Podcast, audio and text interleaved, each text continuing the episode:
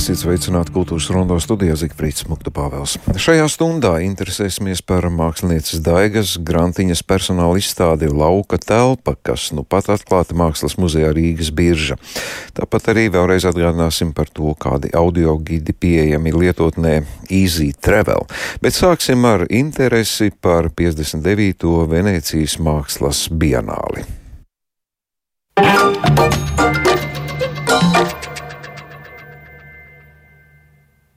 59. Venecijas mākslas bienāle. Nu, tas ir šobrīd ļoti aktuāli, jo izstāde mm, iet pilnā sparā. Latviskais nosaukums mūsu ekspozīcijai, Latvijas ekspozīcijai ir tirgot ūdeni upes malā. Eh, neslēpšu, ka ir arī kādas eh, iebildes pret mūsu ekspozīciju, bet pēc tā, ko es saņemu no Venecijas kādām ziņām, ka ir arī milzīga interese vai liela interese, kā nu kurš to mm, formulē.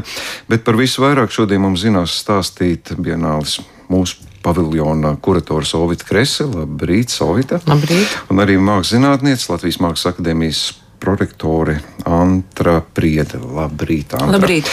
Sākšu gan ar uh, acu liecinieci tieši šajā brīdī, jo esmu sazvanījis Latvijas paviljona vienu no asistentēm Marionu Baltkalni. Labrīt, Mariona!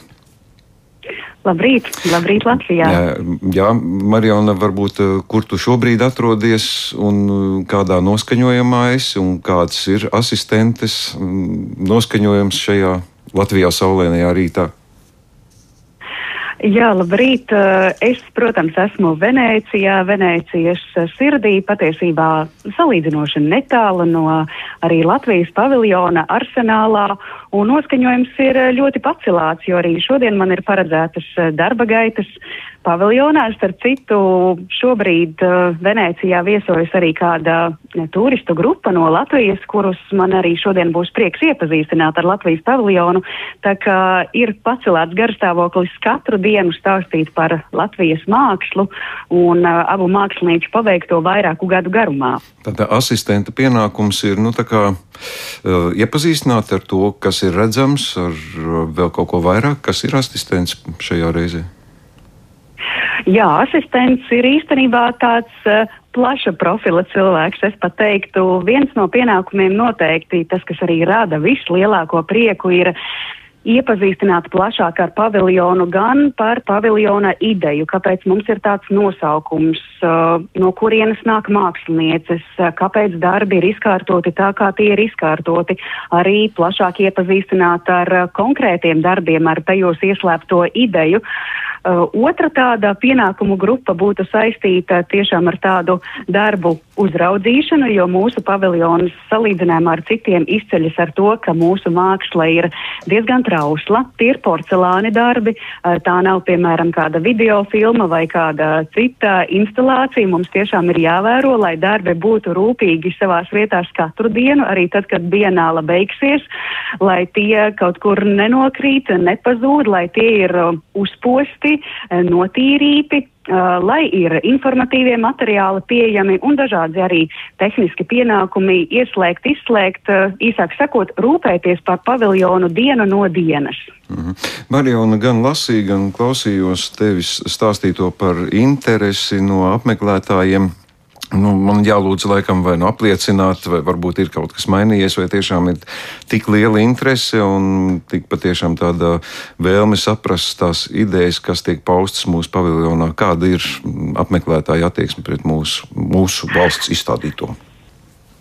Jā, es neesmu mānījusies savā Venecijas dienas grāmatā, ko arī veidoja portālam lsm.lv Apmeklētāja interese joprojām ir ļoti liela, un Latvijas paviljonā katru dienu ir eh, daudz cilvēku, gan saulainās dienās, gan eh, lietainās dienās, un atzinības vārdi, ko mēs kā no pārpilnības raga dzirdējām eh, pirmajās dienās, kad paviljonā viesojās mēdīju pārstāvji, mākslas pasaules cilvēki, kuratori, galeristi, tas nav mainījies. Tā arī šobrīd, kad uz paviljonu nāk vienkārši apmeklētāji ar ieejas biļetēm, tāpat tiek pausta atzinība, tiek ļoti novērtēts tieši šis milzu ieguldītais darbs, jo kā arī kāda apmeklētāja teica, Jā, laikmatīgums tas ir interesanti, bet šeit jūs ienākat un varat redzēt, kāds ir darbs ieguldīts. Cilvēki, ko ar savām rokām ir izdarījuši.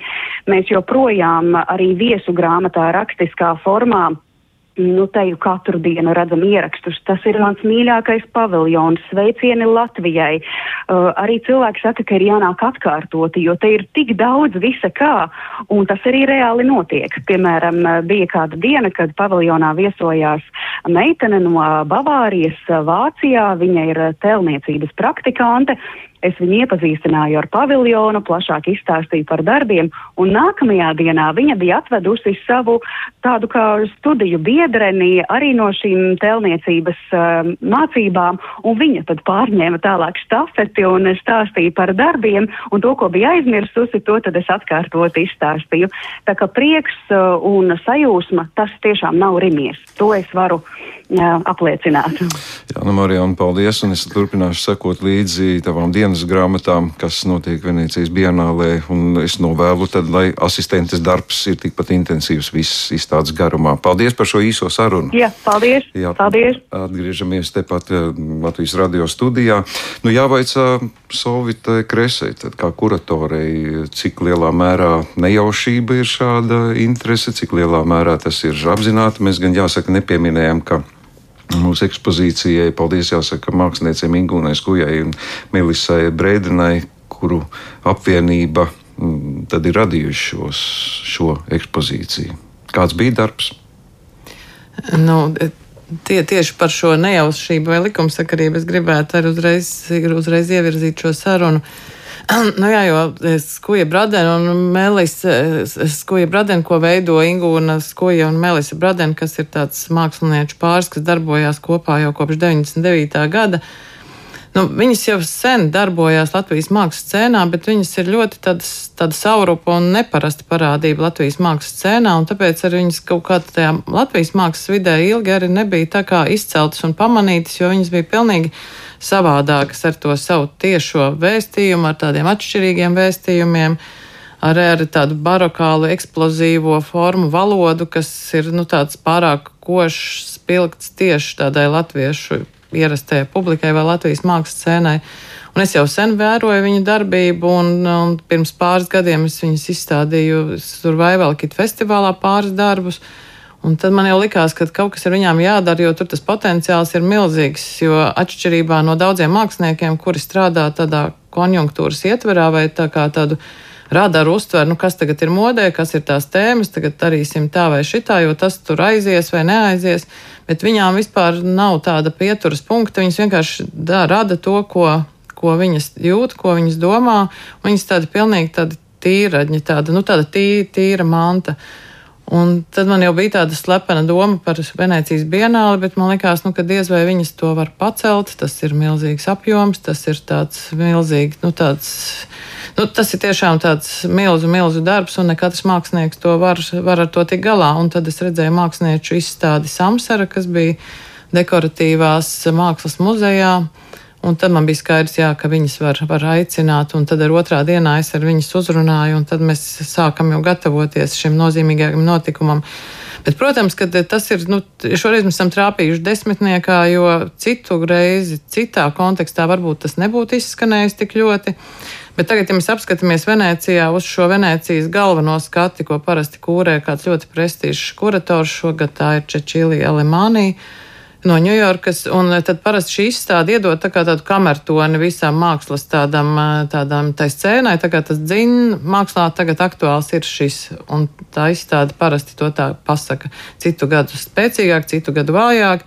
Nu, šogad tā izstāde, lielā izstāde ir ļoti spēcīga, un mēs redzam, ka tas, ko dara Skuja Bradena, viņi vienkārši tā kā pilnīgi turpina to izstādi. Tur ir tieši tas, kas patreiz ir aktuāls pasaulē visas šīs tēmas. Pirmkārt, 80% no, no izstādes dalībniekiem ir sievietes šogad. Un ir pilnīgi tas pavērsiens uz to, ka tiek pārskatīta mākslas vēsture un ir šīs atsauces uz seriālismu mākslas vēsturi. Un, ja mēs zinām no seriālisma pārsvarā, nu, Dalī, tur Magritu, vēl virkni vīriešu gleznotāju, un izrādās tur ir bijusi vesela spēcīga sieviešu mākslinieku plejāde, par ko mēs vispār neko neesam zinājuši.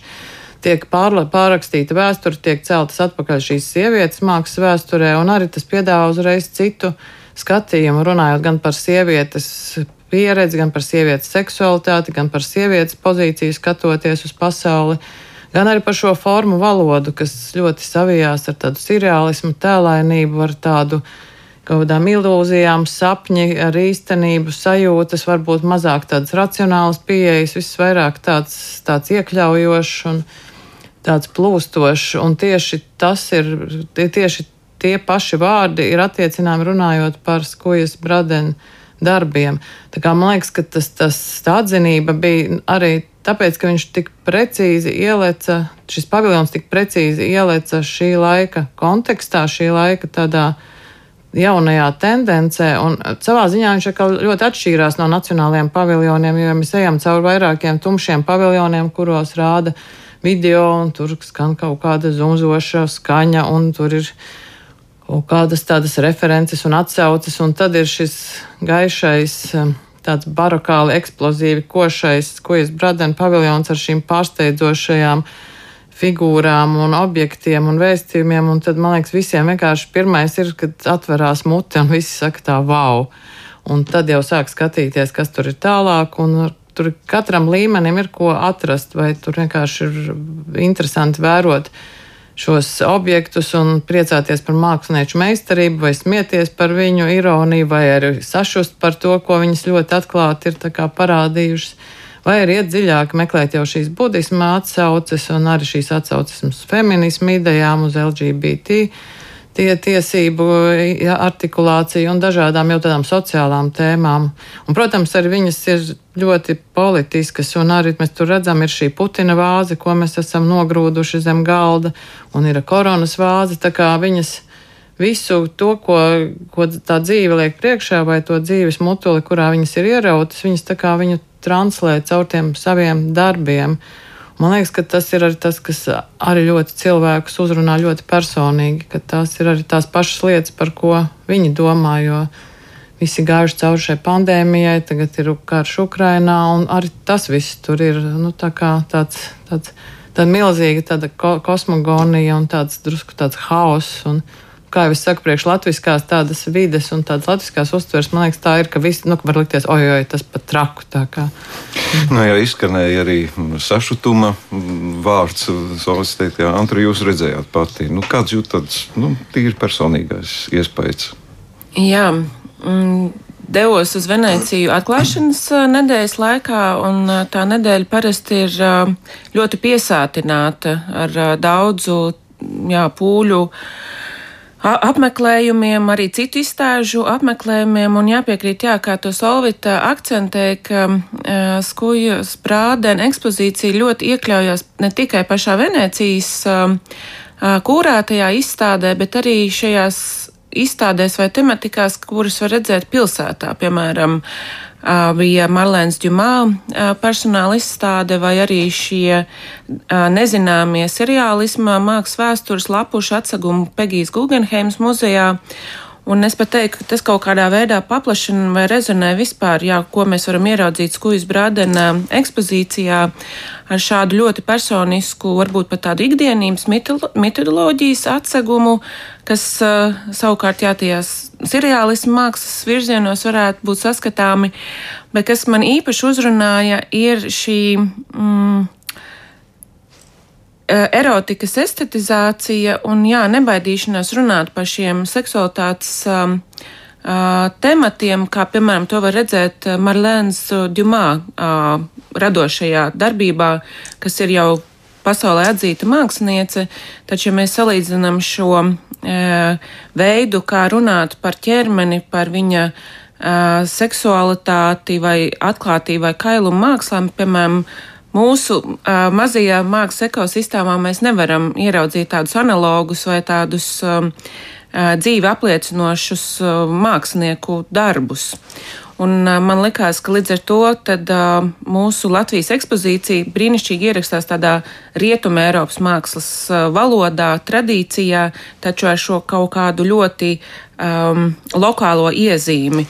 Un papildinot varbūt arī to veidu, kā viņas runā, vai kas ir viņu tā mm, ekspresija, un šeit, it sevišķi Ukrainas kara kontekstā, gribētos akcentēt vārdu drosme, jo viņas ir drosmīgas, un viņas nekad nav baidījušās būt drosmīgas, un tieši tāpēc varbūt arī viņas ir izstumtas kādreiz no um, lielo izstāžu dzīves, jo, kā jau Solvit minēja, viņas darbojās kopš 99. gada, taču viņu tādu klātesamību lielajās ekspozīcijās varēja redzēt diezgan reti, un pat ir nocenzētas.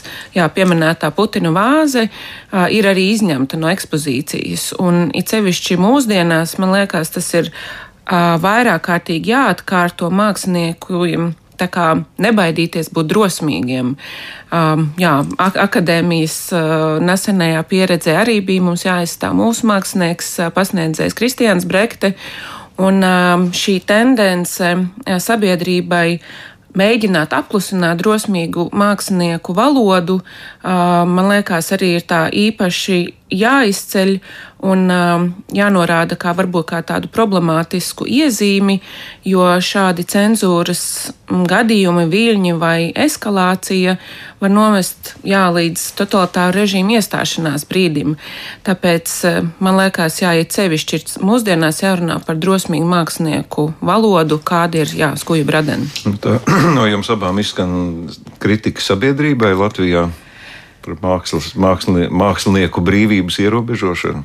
Joprojām šī mhm. tēma, kas man liekas, jau ir apmuļāta jau diezgan daudz. Nē, man joprojām ir uh, liels pārsteigums par to, un kad arī sastapos ar kaut kādiem komentāriem, tādiem uh, nosodošiem komentāriem par skujas brodenu darbiem, man likās, tiešām, tiešām mēs joprojām vēl domājam tādās kategorijās.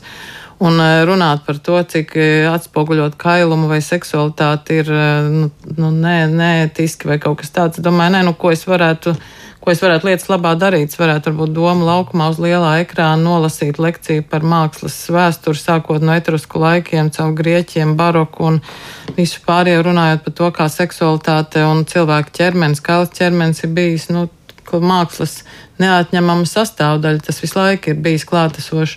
Un tagad, 21. gadsimtā, vienkārši izmantojot kaut kādus tādus argumentus, ko bērni drīkst vai nedrīkst redzēt, un kā ir iztērēta valsts nauda, man tas liekas diezgan šokējoši, un man ir šausmīgi kauns par mūsu sabiedrību. Protams, būtu liekas, daudz vieglāk, ja mums būtu laikmatīgās mākslas muzejs, kur varbūt cilvēki regulāri varētu iet skatīties, kāda ir šī laikmatīgā māksla. Laikmatīgā māksla arī ir tāds mūsu laiku spogulis, ko es jau vairāk kārt teikusi, un arī skojas bradena izpildījumā, protams, tas nav tur grieķu vai, vai etrusku vai baroka tieši kaut kāds tāds e, tēmas turpinājums. Tas ir tieši caur šo sociālo prizmu, caur šo problemātiku, kādu, kāda ir šobrīd pasaule, kāda viņa ir ar visām šīm neviennozīmīgajām, neviendabīgajām kaut kādām sabiedrības grupām, kas arī pieprasa savas tiesības un, un grib pastāvēt līdzās un darbojās mūsu sabiedrībā. Un, jā, nu, tas arī, ko Antra minēja, ka man liekas, ka tas ir ļoti tādas, nu, bīstamas iezīmes, uh, skatoties, piemēram, kas notiek Polijā vai Ungārijā, kāda nu, tur ir tādi ultralabējie ideoloģiskie spēki pie varas un kāds, kāda veida cenzūra tur notiek. Un, nu, es, piemēram, noteikti negribētu dzīvot tādā valstī, kur, kur vārda brīvība vai izpausmes brīvība tiek cenzēta. Nu jā, tie pašā laikā es saku, viedokļa brīvība jau nav ierobežama. Neviens nav noliedzis kluso dabu. Var tulpi vai, ne, nu, vai salrietu. arī skujai bradani ir daudz brīnišķīgi darbi ar tulpēm un ar suņiem un bērniem. Antra, vai jums ir viedoklis, varbūt pieredze, nezinu, vai cerība par to, cik lielā mērā šāds piemērs um, Latvijas māksla atzīta ārpus Latvijas robežām tā varētu kalpot kaut kam, kas varētu arī ietekmēt latviešu mākslinieku dzīvi šeit, vai Latvijas mākslas dzīvi šeit, Latvijā. Tas, šis, šī drosme, par ko šeit es dzirdu, tas būtu kā tāds eh, piemērs arī sabiedrībai, varbūt ne tikai māksliniekiem. Es domāju, ka pilnīgi noteikti, jo arī, ja seko līdzi ārvalstu mākslas presei, tad uh, šī gada Latvijas paviljons, ja es tiešām nekļūdos, laikam ir pirmais, kurš ir tik uh, plaši atspoguļots. Man šķiet, ka viņš ir jebkurā uh, top desmitniekā vai top pieciniekā, kas nāk gan no angliski runājošo valstu, nu, visatzītākajiem mākslas uh, žurnāliem, gan arī dažādu citu valstu. Un jebkura, jebkura parādīšanās ārvalstu presē ir um, brīnišķīga pašreklāma ne tikai jā, šajā gadījumā skuju bradam paviljonam, bet visai mākslas uh, videi, kas top šeit Latvijā, jo es pilnīgi nu, noteikti varu apgalvot, ka uh, ārzemju lasītājiem ieraugot šo vārdu vai valsti, viņš viņu iegooglēs un pēc tam meklēs, nu, kas ir varbūt šie mākslinieki vai institūcijas, caur kurām mēs varam padziļinātāk iepazīt mūsu Latvijas mākslu. Taču šeit atkal jāatsaucās jau to, ko minēja Solvita Nu, Parasti katrā valstī ir šis laikmatīgais mākslas muzejs, kurš ir tas arī kā platforma, piemēram, internetā, kur var uzzināt par ekspozīciju, par aktuālajām izstādēm. Taču, ja tagad eh, tas ārzemju lasītājs meklēs to laikmatīgās mākslas institūciju, caur kuru tad var uzzināt vairāk par lokālo laikmatīgo mākslu, no diemžēl nebūs. Jā. Varbūt sanāks atrast atsevišķas institūcijas, kas ar to aktīvāk nodarbojās. Tā kā tas arī ir no vienas puses kā brīnišķīga pašreklāma, bet varbūt viņa var neno, nenostrādāt simtprocentīgi, jo nav tā a, pretējā puse šeit uz vietas, kas var nodrošināt šo atpazīstamību. Jā, tas varētu būt tāds nu, jā. E, nu, jā, mums jānoslēdz mūsu saruna. Nu, ko es varētu teikt tikai arī māksliniekiem? Ka ne tikai drosme garantē panākumus. Mākslinieckās vērtības, protams, ir pamata pamatā, bet drosme un ideja tās visas ir mākslas darba sastāvdaļas. Nu, Solīt, es apsveicu jūs ar panākumiem, un es ļoti priecājos par to, ka mēs tiekam pamanīti, un šis tiešām ir tāds ievērojams notikums, ka mēs varam teikt, sist sev pie krūts un teikt, ka jā, Latvijā top māksla, kuru pamana gan Eiropā, gan visā pasaulē Tas ir brīnišķīgi. Kā, lai tikai mums izdodas turpināt tādu, cik ilgi Venecijas dienāli ir no sērijas, ja būsiet Venecijā. Līdz novembrim. Tagad es nu, nevaru pateikt precīzu laiku, bet jā, es vēl gribēju piebilst, ka tā kā es esmu diezgan daudz piedalījies Venecijas, Latvijas paviljonu Venecijā organizēšanā gadu garumā tad nu, šādu atzinību tiešām, tiešām mēs saņemam pirmo reizi. Mēs esam tiešām nosaukti kaut kādās vairāk kā 16 starptautiskās listēs starp top 10 paviljoniem. Un, un interesanti, ka šī brīdī, kas, kas ir ļoti reta lieta, kad šis paviljons ir augsts novērtēts mākslas institūcija vidē. Daudzi muzeji jau ir izteikuši interesi par skujas bradēnu darbu izstādīšanu savās izstādēs un arī jau iepirkumiem, un arī mākslas tirgus ir sakustējies. Piemēram, vakar es arī paņēmu, saņēmu ziņu no New York Independent Art Fair, kur viņi prasa, kā lai kā lai sazinās ar māksliniecēm, ka tur tas esot vienkārši tāds karstais kartupelis, visi runā tieši par skojas bradenu darbiem, ka tas ir kaut kas tāds pēkšņi noticis, kā viņi kaut ko tādu nav zinājuši, un ka tagad visiem jāskrien un jāpērk, kamēr vēl ir ko pirkt.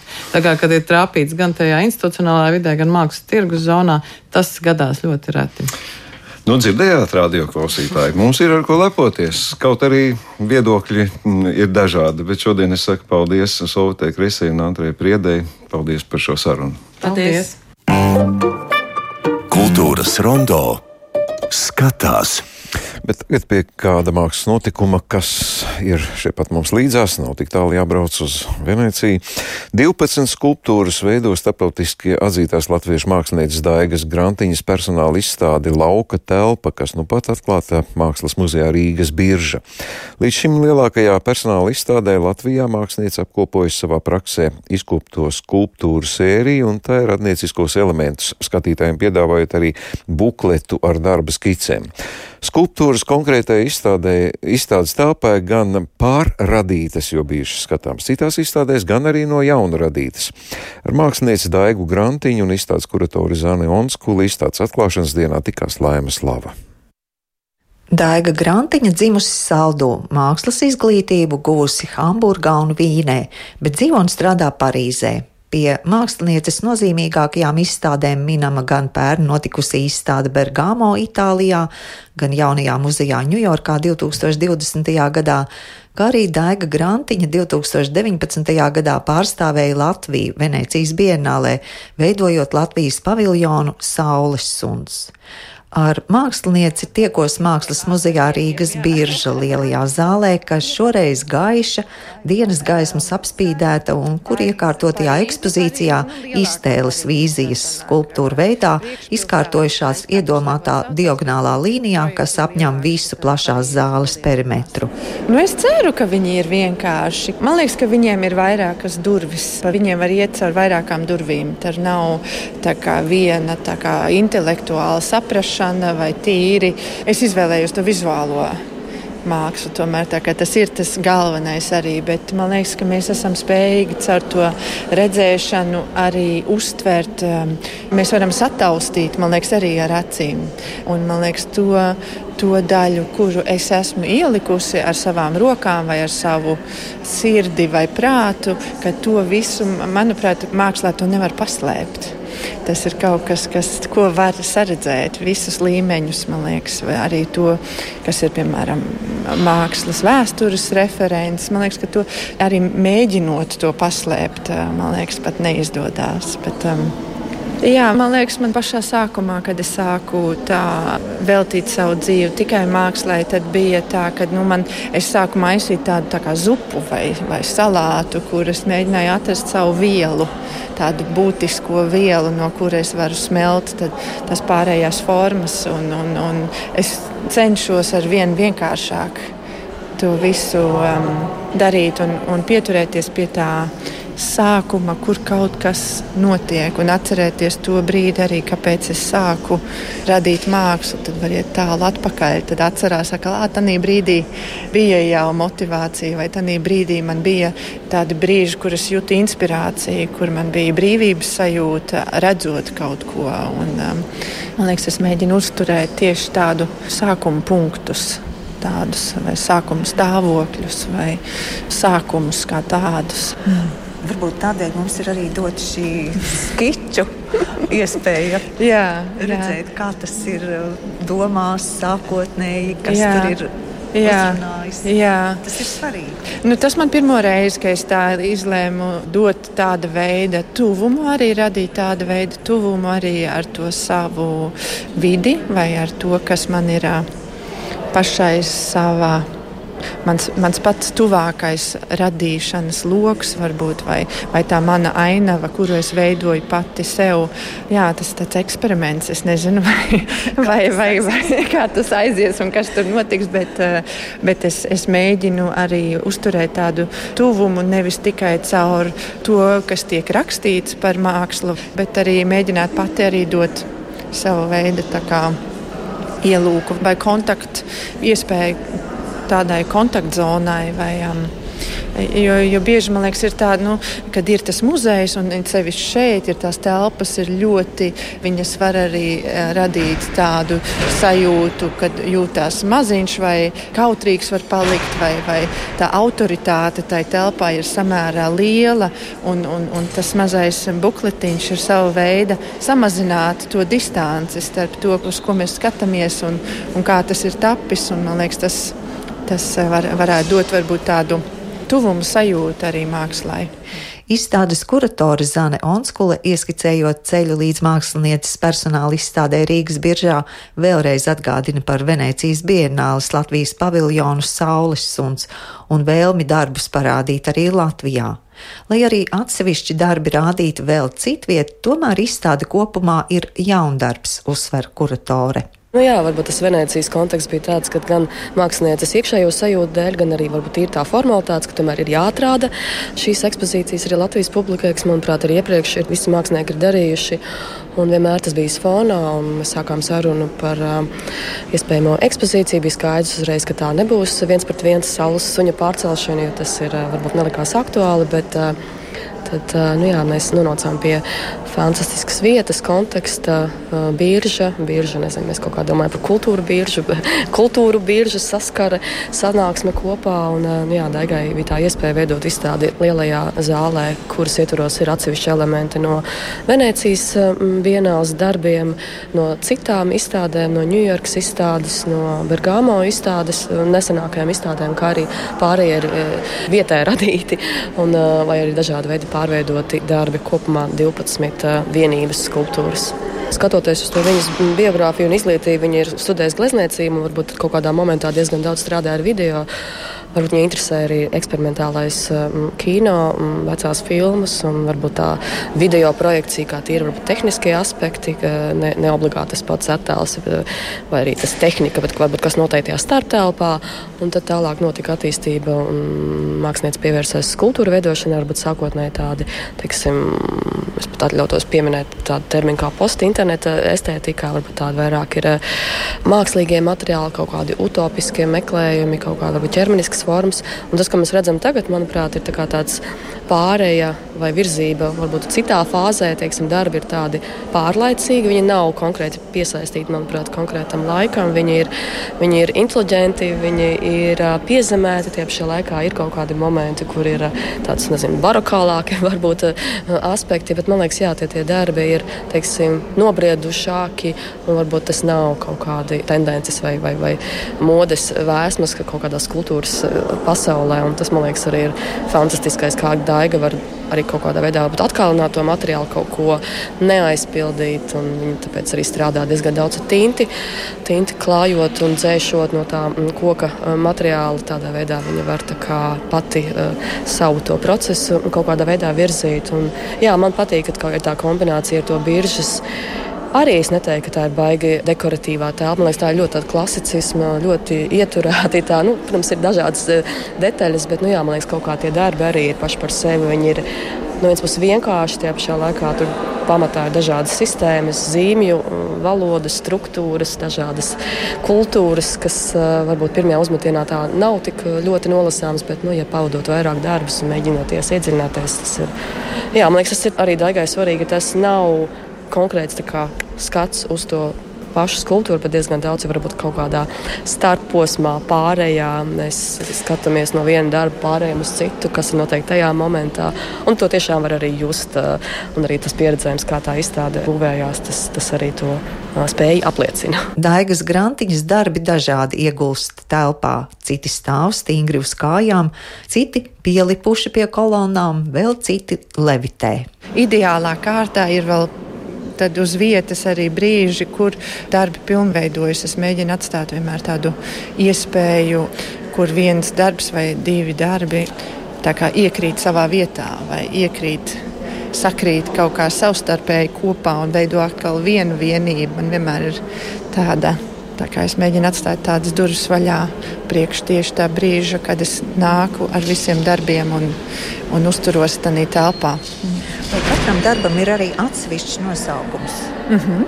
Nosaukumi, jā, man ir papildus materiāls, gandrīz vai iekļaut to valodu. Es vēl neesmu iekļāvusi viņu tādā veidā, tā kā skicēs, bet uh, tas nosaukums ir sava veida arī viens durvis, kuras es varu pavērt. Vai, manuprāt, es mēģinu viņus tā, tā kā nolikt blakus un nevis uzrakstīt virsū tam darbam. Ka viņi, ja kaut kas eh, var saskanēt ar, ar darbu, bet eh, tas ir ļoti individuāli, vai tas, vai tas kaut ko izsaka vai nē. Bet bieži man arī nāk cilvēki paši ar savām idejām un, un jautājumiem. Piemēram, šodien arī bija sieviete, kas man prasīja, vai tās ir lidmašīnas. Bet um, varbūt tā saistība ar tas, ka tie putni man ļoti svarīgi ir um, putnu pasaule un um, arī seno kultūru zināšanas par putnu pasauli man ļoti interesē. Um, uh, Tāpēc varbūt tās lidmašīnas ir tāda laikmetīga, laikmetīga, laikmetīga putni. Jā. Mhm. Skulptūrās izmantotie materiāli ir no sintētiskiem līdz dabiskiem - koks, audums, putnu spāvas. Interesanti, kā notiek materiālu izvēle darbiem. Man liekas, ka bija sākumā es viņus izvēlējos, un man vajadzēja vienu materiālu tieši tādā vietā, un, un bija tāda tā kā materiāla vajadzība.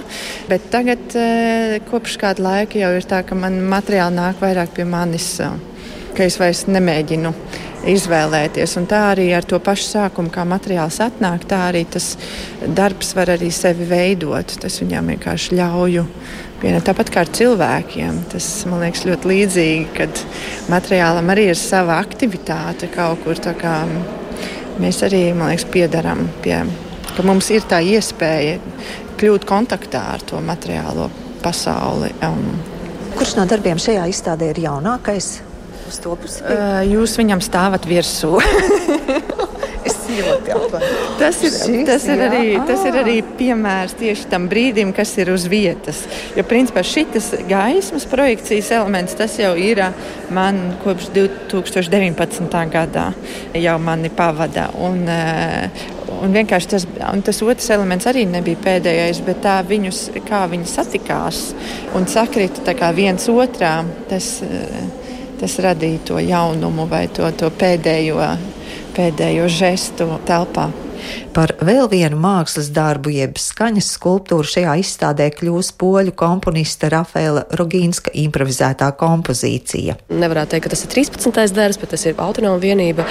Mākslinieci jau sen ļoti vēlējās strādāt ar komponistu, teiksim, strādāt ar skaņu, kā varbūt tādu neobligātu pavadījumu, bet kā tādu arī alternatīvu teiksim, veidu, kā lasīt viņas izstādi. Iepriekš viņai bijušas sadarbības līdzīgas, bet ne ar mūziku. Viņai ir bijuši ar literāti, ir bijis um, dzēniece, kas interpretēja rakstniece viņas darbus, uh, teiksim, tādā valodiskā. Daiga pat arī komentēja, ka tā valodiskais, tas, protams, ir uh, rakstītais vārds, tas atkal ir cits slānis, un viņai vienmēr gribēja strādāt ar mūziku, kas tomēr ir cita spēles noteikumi, eksistē citā laukā, tu, tu vienkārši dzirdi. Un, uh, jā, un tad ir um, izstādes ietveros ir ieradies poļu komponists Rafaels Raginskis, kuram izrādās ļoti tuva arī um, Baltijas kultūra un teiksim, senās, gan, gan, gan varbūt, nezinu, baroku, gan arī viduslaiku, gan arī pagāniskās uh, skaņas un, un, un tradīcijas. Un viņš arī pēta vecos instrumentus, un viņiem ļoti labi uh, saslēdzās dialogs ar Daigu. Tas, ko mēs pieredzēsim, kādā veidā taps šis papildus darbs vai papildus celiņš, izstādes atklāšanā Rafāls Roginskis interpretēs izstādi, vai teiksim, izstāde būs viņa tā tās notis, un viņš uh, veidos tādu brīvu improvizāciju uz, uz ģitāras uh, aptuveni pusstundas garumā. Šis materiāls tiks ierakstīts, un tālāk būs pieejams kā tāds autonomais teiksim, skaņu celiņš caur QR kodu izstādes apmeklētājiem, vai nu izstādes laikā vienlaicīgi, vai arī atsevišķi savos, savos telefonos vai kaut kā tādā veidā. Skaņa izstādē neskanēs, bet pārdomas par lauku, par telpu, par laiku un telpu raisīsies. Pēc sarunām vēlreiz apmetu loku ekspozīcijā, lai izjustu ritmu, rakstus un telpas izjūtu, ko veido Daigas Grantiņas skulptūras. Jā, Daigas Grantiņas personāla izstāde laika telpa Mākslas muzejā Rīgas bieži būs skatāma līdz 31. jūlijam, un izstāde pavadīs arī dažādas izzinošas programmas, tā skaitā atvērtās ekskursijas.